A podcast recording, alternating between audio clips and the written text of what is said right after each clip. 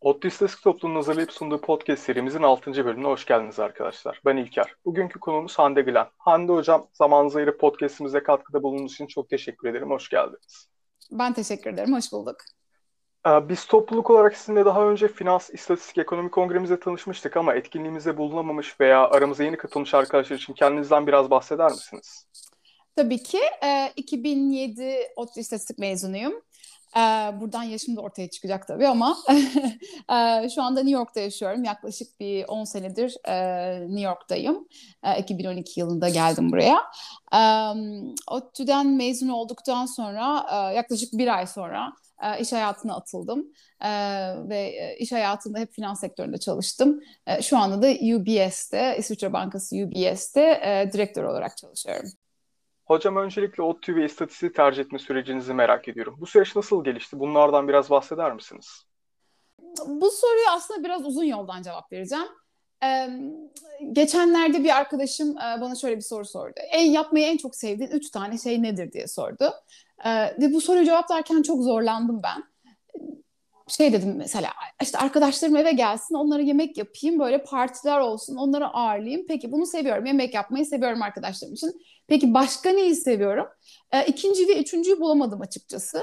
E, çünkü bu biraz belki kültürel bir fark olabilir. Belki de kişisel bir farklılık olabilir. E, ben hayatım boyunca hiçbir zaman neyi çok seviyorum diye düşünmedim. Bunun üzerine kafa yormadım. Hep ne de başarılıyım diye e, düşündüm ve onun üstüne gittim. E, sanırım bu birazcık kolaycılık da olabilir. Dolayısıyla hani matematikte çok başarılıydım lise zamanında.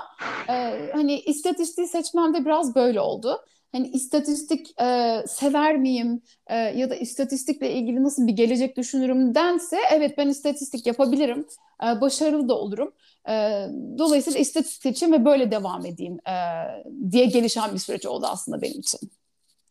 E, hocam şöyle biliyorsunuz pandemi dolayısıyla okulumuza e, bir iki senedir ayak basamamış. Hatta Maalesef. belki de kampüs, kampüste belki de hiç görmemiş arkadaşlarımız var. Biz bu yüzden Maalesef. başkalarının ODTÜ anılarını dinlemekten çok keyif alıyoruz. Sizin Hı-hı. kampüs hayatınız nasıl geçti ODTÜ'de? Bunun yanı sıra ODTÜ seneler kattı. Biraz bunlardan bahseder misiniz? Ah o kadar güzel geçti ki muhteşem de diyebilirim. Yani hayatımın en güzel 5 yılını geçirdim. Ee, gene çok ilginçtir. Burada Amerikalı arkadaşlarımla konuştuğum zaman e, çok şaşırıyorlar ben böyle söylediğime. Benim hayatımda en çok ilham aldığım, en çok eğlendiğim, en, en iyi zamanım e, o 5 seneydi. Amerika'da biraz daha şey böyle hani lisenin devamı üniversiteler. Biraz daha böyle paralı liseler. Başlıkları edinmiyor. Çok fazla aslında kampüste de e, takılmıyorlar, zaman geçirmiyorlar. E, dolayısıyla ben böyle söylediğim zaman çok şaşırıyorlar. Nasıl yani diyorlar. Amerika'da hatta üniversite eğitiminin gerekli olup olmadığı konuşuluyor şu anda. Benim için çok üzücü. Yani kendimi düşünemiyorum bir hani o beş senemi ODTÜ'de geçirmemiş bir insan olarak düşünemiyorum. Çok farklı bir yerde olurdu mutlaka. Benim ODTÜ'de zamanım çok iyi geçti. Ee, çok çok gezdim, çok tozdum, çok e, topluluklara takıldım, top, topluluklara katıldım. Ee, dolayısıyla e, yani keşke bu pandemi olmasaydı da diğer öğrenciler de benim yaşadığım gibi e, böyle güzel zamanlar geçirselerdi. İnşallah bu sene e, itibariyle tekrar kampüse gelme şansları olur. E, ODTÜ'deki zamanımı anlatayım biraz size. Ben aslında o istatistik çok iyi, çok iyi bir öğrenci değildim. Ee, zar zor mezun oldum bile diyebilirim. Ee, zamanımın çoğunluğunu dediğim gibi çok fazla topluluğa girdim. Ee, arkadaşlarımla e, geçirdim e, zamanımı. Kütüphanede çok zaman geçirdim. Ee, çok dediğim gibi ilham aldığım, e, çok etkilendiğim, çok beni besleyen bir yerde ODTÜ. Ee, yani o öğretmenler, hocalar, profesörler e, böyle yırtık tişörtle kışın ortasında parmak arası terlikle derse giren profesörlerden çok beslendim. Onlarla ders dışında olan konuşmalarımdan çok beslendim. E, dediğim gibi kütüphanede zaman geçirmekten çok beslendim. Çok farklı e, altyapılardan ve e, backgroundlardan gelen öğrencilerle e, beraber olmaktan çok beslendim. E, dolayısıyla e, öğrenci olarak, akademik olarak çok fazla tavsiyede bulunamam. E, ancak e, ODTÜ'de okuyan öğrencilere şöyle bir tavsiyede bulunabilirim kendi geçmişime dayanarak. E, ne kadar çok topluluk varsa hepsine girsinler. Ne kadar çok toplulukta, ne kadar insanla tanışırlarsa o kadar iyi onlar için. E, network edinsinler. Yanınızda çünkü hepimiz ODTÜ mezunuyuz. Hepimiz e, belli bir seviyedeyiz. Ee, ve bu gerçekten bir daha iş hayatında ve önlerindeki hayatta bulamayacakları bir şans. Ee, bunu ODTÜ'nün içindeyken çok fark edemiyorsunuz ama hepimiz aslında çok eşit seviyedeyiz orada. Ee, iş hayatında fark edeceksiniz ne kadar farklı olduğunuzu, ne kadar diğer insanlardan önde olduğunuzu. Ee, dolayısıyla ODTÜ'de bunun tadını çıkarın. Ee, yanınızda oturan kişi bir gün bir şirketin CEO'su olacak. Diğer yanınızda oturan bir kişi e, işte bir gün bir müzik grubu kuracak, e, çok ünlü olacak vesaire. Herkes çok başarılı insanlar olacak. Bunun tadını çıkarın, çok fazla insanla tanışın, network edinin, arkadaşlıklar edinin. E, tavsiyem bu olabilir e, şu anda öğrenci olan insanlara. Evet, hocam teşekkürler önerileriniz için. Bunun yanı sıra sizin özelinizde iyi ki şunu yaptım veya keşke şunu yapmasaydım diyebileceğiniz bir şeyler var mı? Um, dediğim gibi akademik olarak zar zor mezun oldum. Ee, keşke biraz daha derslerime zaman ayırsaydım. Çünkü istatistik gerçekten e, benim zamanımda belki ben o kadar farkında değildim. E, 15 yıl sonra bunu fark ediyorum. İstatistik e, önü çok açık. E, özellikle e, Amerika genelinde konuşabilirim.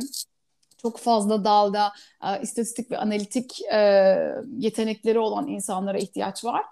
Ee, iyi ki keşkem o olabilir e, sadece. İyi ki e, iyi ki çok dediğim gibi topluluklara girmişim. Keşke daha fazla topluluğa girseydim. Keşke daha fazla insan tanısaydım. E, elimden gelebildiğince yaptım. Ee, iyi ki e, arkadaşlarımla çok zaman geçirmişim. İyi ki e, dediğim gibi profesörlerle çok zaman geçirmişim. Yeni profesörler tanımışım. E, ben çok fazla farklı seçmeli dersler aldım ODTÜ'de. Hiçbirisi e, istatistik, matematik genelinde değildi. Farklı bölümlerden farklı seçmeli dersler aldım. İyi ki bunları yapmışım. Hatta kariyerime başlarken hep risk yönetimi e, yapmak üzere başladım. Yapmak için başladım. E, bu da aldığım seçmeli derslerden e, kaynaklanan bir seçimdi, bir tercihti. E, dolayısıyla iyi ki onları yapmışım. Yine tavsiyem de bu olabilir. Peki, teşekkürler. Hocam okul hayatınızı bir kenara bırakıp biraz da kariyer hayatınızdan konuşalım istiyorum. Eğitim hayatınız sonrasında kariyer hayatınıza nasıl başladınız? Başlangıç süre, sonrasında süreç nasıl devam etti? Biraz bunlardan bahseder misiniz? Tabii ki. Ben mezun olduktan sonra ilk amacım açıkçası İstanbul'a gitmekti, İstanbul'a yerleşmekti. Dolayısıyla karşıma çıkan ilk fırsatı kabul ettim ve mezun olduktan bir ay sonra İstanbul'da işe başladım. İlk işim bir sigorta şirketindeydi, reasürans departmanında. Daha sonra dediğim gibi hep böyle risk yönetimi yapmak vardı aklımda. Bir yıl sonra bir bankanın risk yönetimi departmanında işe başladım. Ondan sonra bir yıl sonra tekrar işimi değiştirdim. Bu sefer danışmanlık şirketinde risk yönetimi yapmaya başladım. yine bir yıl sonra başka bir danışmanlık şirketine geçtim. Accenture. Hatta Accenture vesilesiyle Amerika'ya transfer oldum. Onun da hikayesini anlatırım. bu şekilde gelişti kariyer hayatım e, genellikle hep böyle risk yönetimi yapmanın e, peşinde koşup e, hiç risk yönetimi yapamamış bir insan olarak Amerika'ya geldim. E, aslında bahsettiğiniz şeyle alakalı ben ekip arkadaşlarımın LinkedIn profilinizi incelerken yönetim danışmanlığı yaptığınızı gözlemledik. E, bu hı hı. yönetim danışmanlığı denen şey nedir tam olarak? Yani bu ünvanla nasıl yöneldiniz? Şuradan başlayayım. Buraya nasıl yöneldimden başlayayım. Hı hı. E, bu şu anda e, belki okuldan yeni mezun olacak kişilere de bir tavsiye olabilir. Ee, sanırım çok fazla e, şey takılmamak gerekiyor. Biraz hayat ne getirirse e, onu onu biraz takip etmek gerekiyor sanırım. Fırsatları açık olmak gerekiyor. E, ben bu fırsatları açık olmam sebebiyle bu kadar fazla iş değiştirdim, şirket değiştirdim. E, Amerika'ya gelme sebebim de zaten fırsatları açık olmamdı bence. E, dolayısıyla birazcık hayat getirdi beni bu yönetim danışmanlığı kariyerine. E, yönetim danışmanlığı nedir? Yönetim danışmanlığı aslında e, şirketlerin e, kendi çalışanlarının yönettiği süreçlerin dışında var olan problemlerine e, ya da e, ulaşmak istedikleri hedefleri e, o hedeflere ulaşacak ya da o problemlere çözüm üretecek e, kişiler tarafından verilen bir servistir. E, dolayısıyla benim çok zevk aldığım bir kar- kariyer e, biçimi aslında. E, çok değişken, çok değişken, çok dinamik, e, farklı şirketlerde, farklı projelerde çalışma fırsatı sunan dolayısıyla farklı tecrübeler kazanma olanağı sağlayan, farklı insanlarla birçok insanla tanışma fırsatı sağlayan bir kariyer biçimi diyebilirim. Bir kariyer diyebilirim. Hocam yurt dışına çıkmayı daha önce düşünmüş müydünüz peki? Planlarınız arasında Amerika'da bir kariyere sahip olmak var mıydı? Hiç yoktu. Amerika'ya gelmem aslında tamamen bir tesadüf. Onun da hikayesini anlatayım. Accenture'da yönetim danışmanlığında başladıktan sonra e, aslında risk yönetimi bölümünde üç kişiydik. E, senior manager, manager ve ben e, danışman olarak başlamıştım. Senior Manager ve Manager e, Almanya'da verilen bir risk yönetimi eğitimine katılmışlardı. E, ve benim de katılmamı tavsiye ettiler. E, süper, Almanya'ya daha önce hiç gitmemiştim. Çok heyecanlıydım eğitim için. E, hatta bu eğitimin tarihleri, tarihleri annemin doğum gününe denk geliyordu. Ee, anneme şöyle bir öneride bulundum ben Almanya'ya gidiyorum benimle gel sonra doğum günü için Paris'e gideriz iki gün seninle Paris'te gezeriz. Ee, tabii Paris biletleri alındı oteller ayarlandı vesaire. Ee, benim eğitimim reddedildi çünkü eğitim e, aslında manager ve üstü seviyeden başlayan bir eğitim. Eyvah ne olacak? Ee, ben Amerika'daki eğitimin e, başındaki insanlara ulaştım. Almanya'daki insanlara e, e-mailler attım. Eğitimim onaylanması lazım çünkü annemle Paris'e gideceğim. Ee, bu sebeple bir, bir sürü insana ulaştım. Ee, onayları aldım, partnerlere gittim vesaire. Ee, en sonunda benim eğitimim onaylandı. Eğitime katıldığımda e, tabii çok üst seviyede insanların olduğu, partnerlerin, senior manager'ların olduğu bir eğitimdi. Üç, üç tane danışman vardı sadece. Bir tanesi bendim, diğer iki kişi de e, APEC'ten gelen, Asya ülkelerinden gelen, yanlış hatırlamıyorsam e, iki tane danışman vardı. E, eğitim üç günlük bir eğitimdi. E, ve Almanya'nın çok küçük bir köyünde yapılan bir eğitimdi. Dolayısıyla çok böyle eğitimden sonra dışarı çıkıp e, şehri görme fırsatımız olmamıştı. Do- sadece eğitim gün içinde eğitim alıp eğitimden sonra otelimizde e, eğitimdeki insanlarla e, zaman geçirme fırsatımız vardı. E, bu eğitim sırasında tanıştığım e, Amerikalı partnerlerden biri hiç ortada yokken, hiç böyle bir şey konuşmamışken eğitimde 3 ay sonra, üç, yaklaşık 3 ay sonra bana bir mail attı. Amerika'ya gelip Amerika'da benimle çalışmak ister misin diye. Ben de tabii olur dedim. Neden olmasın? Amerika maceram biraz böyle başladı. O yüzden şeyin önemini çok fazla vurgulamak istiyorum. Dediğim gibi kendinizi dışarı koyun, kapatmayın, yeni insanlarla tanışın, yeni fırsatlara açık olun. Karşınıza çıkan fırsatı mutlaka değerlendirin. O fırsatın sizi nereye götüreceğini asla bilemezsiniz.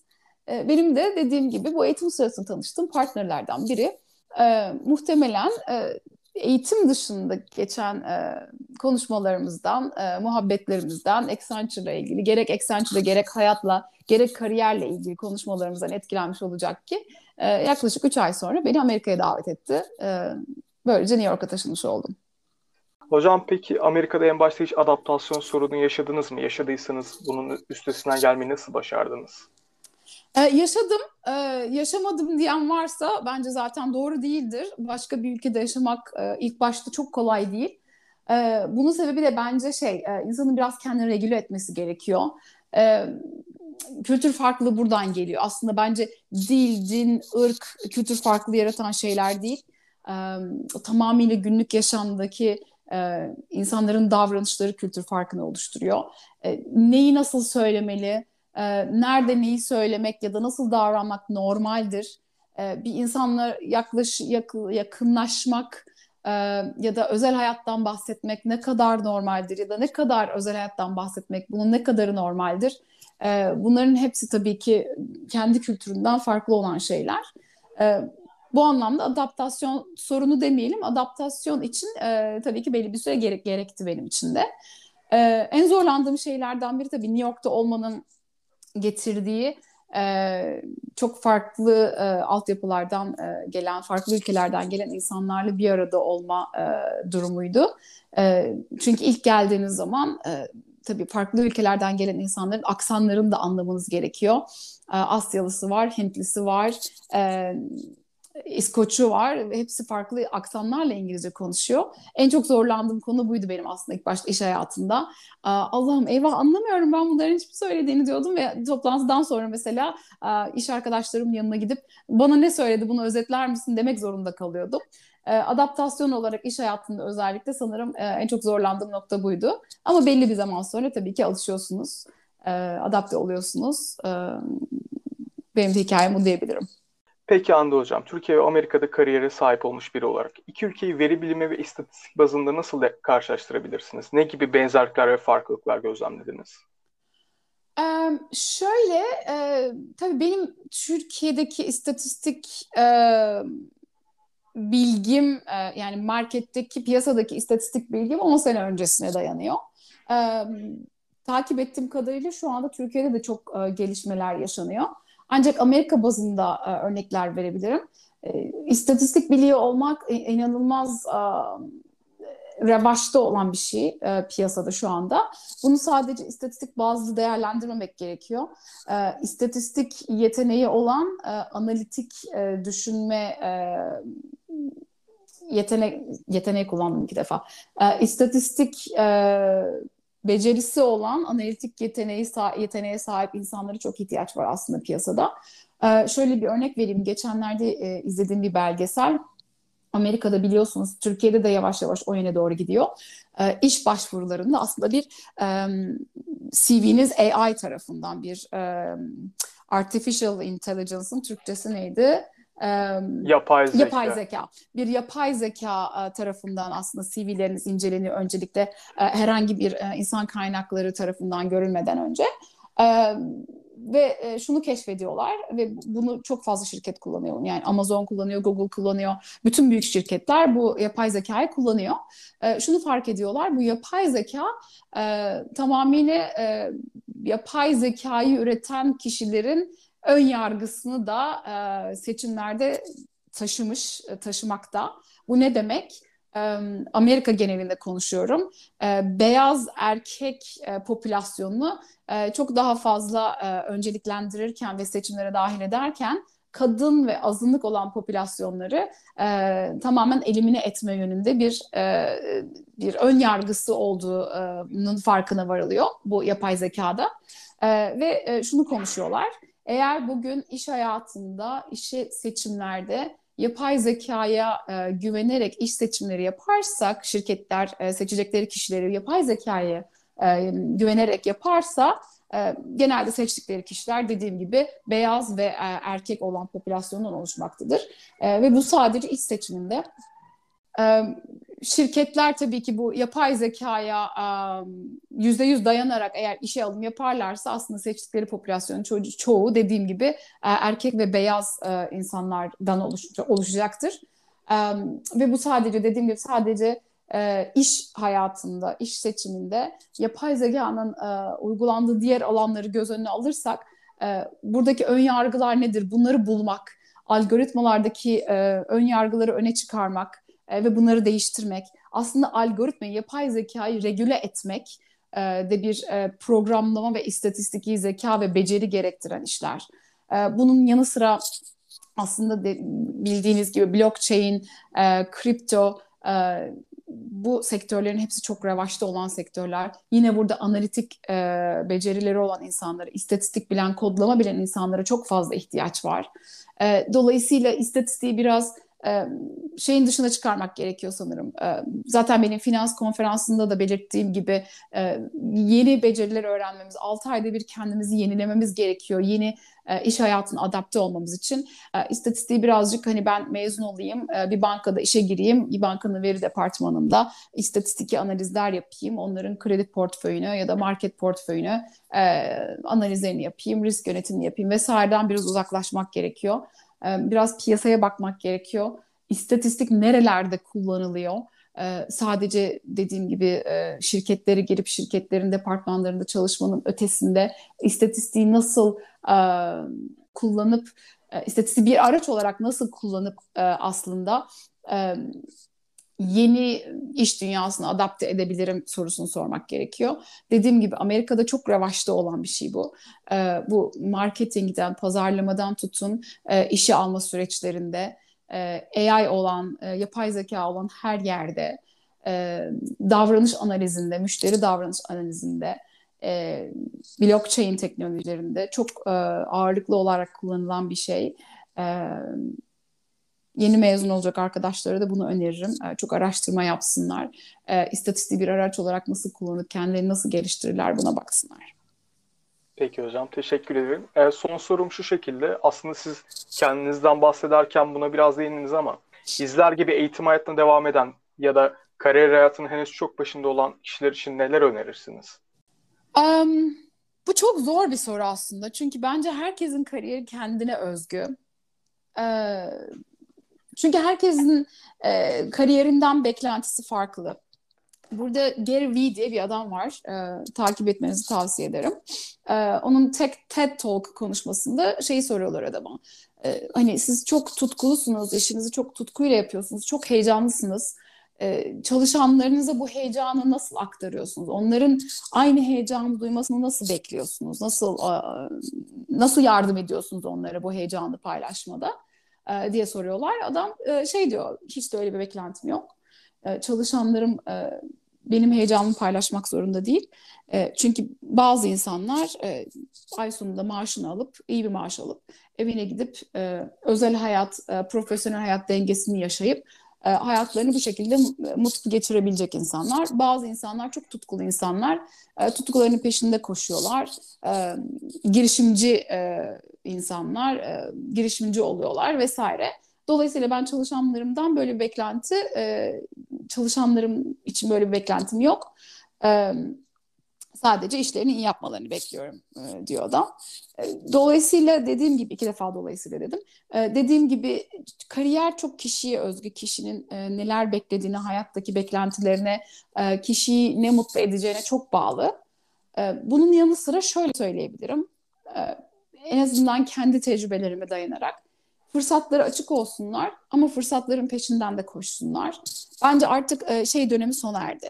Ben iyi bir bankada işe gireyim ya da iyi bir şirkete işe gireyim ve oradan emekli olayım artık sona erdi. E, para kazanmak çok önemli. Çünkü e, para kazanmak e, bence özgürlüğü getiriyor. Şu anlamda özgürlüğü getiriyor. E, ev, araba almak kesinlikle değil kastettiğim özgürlük.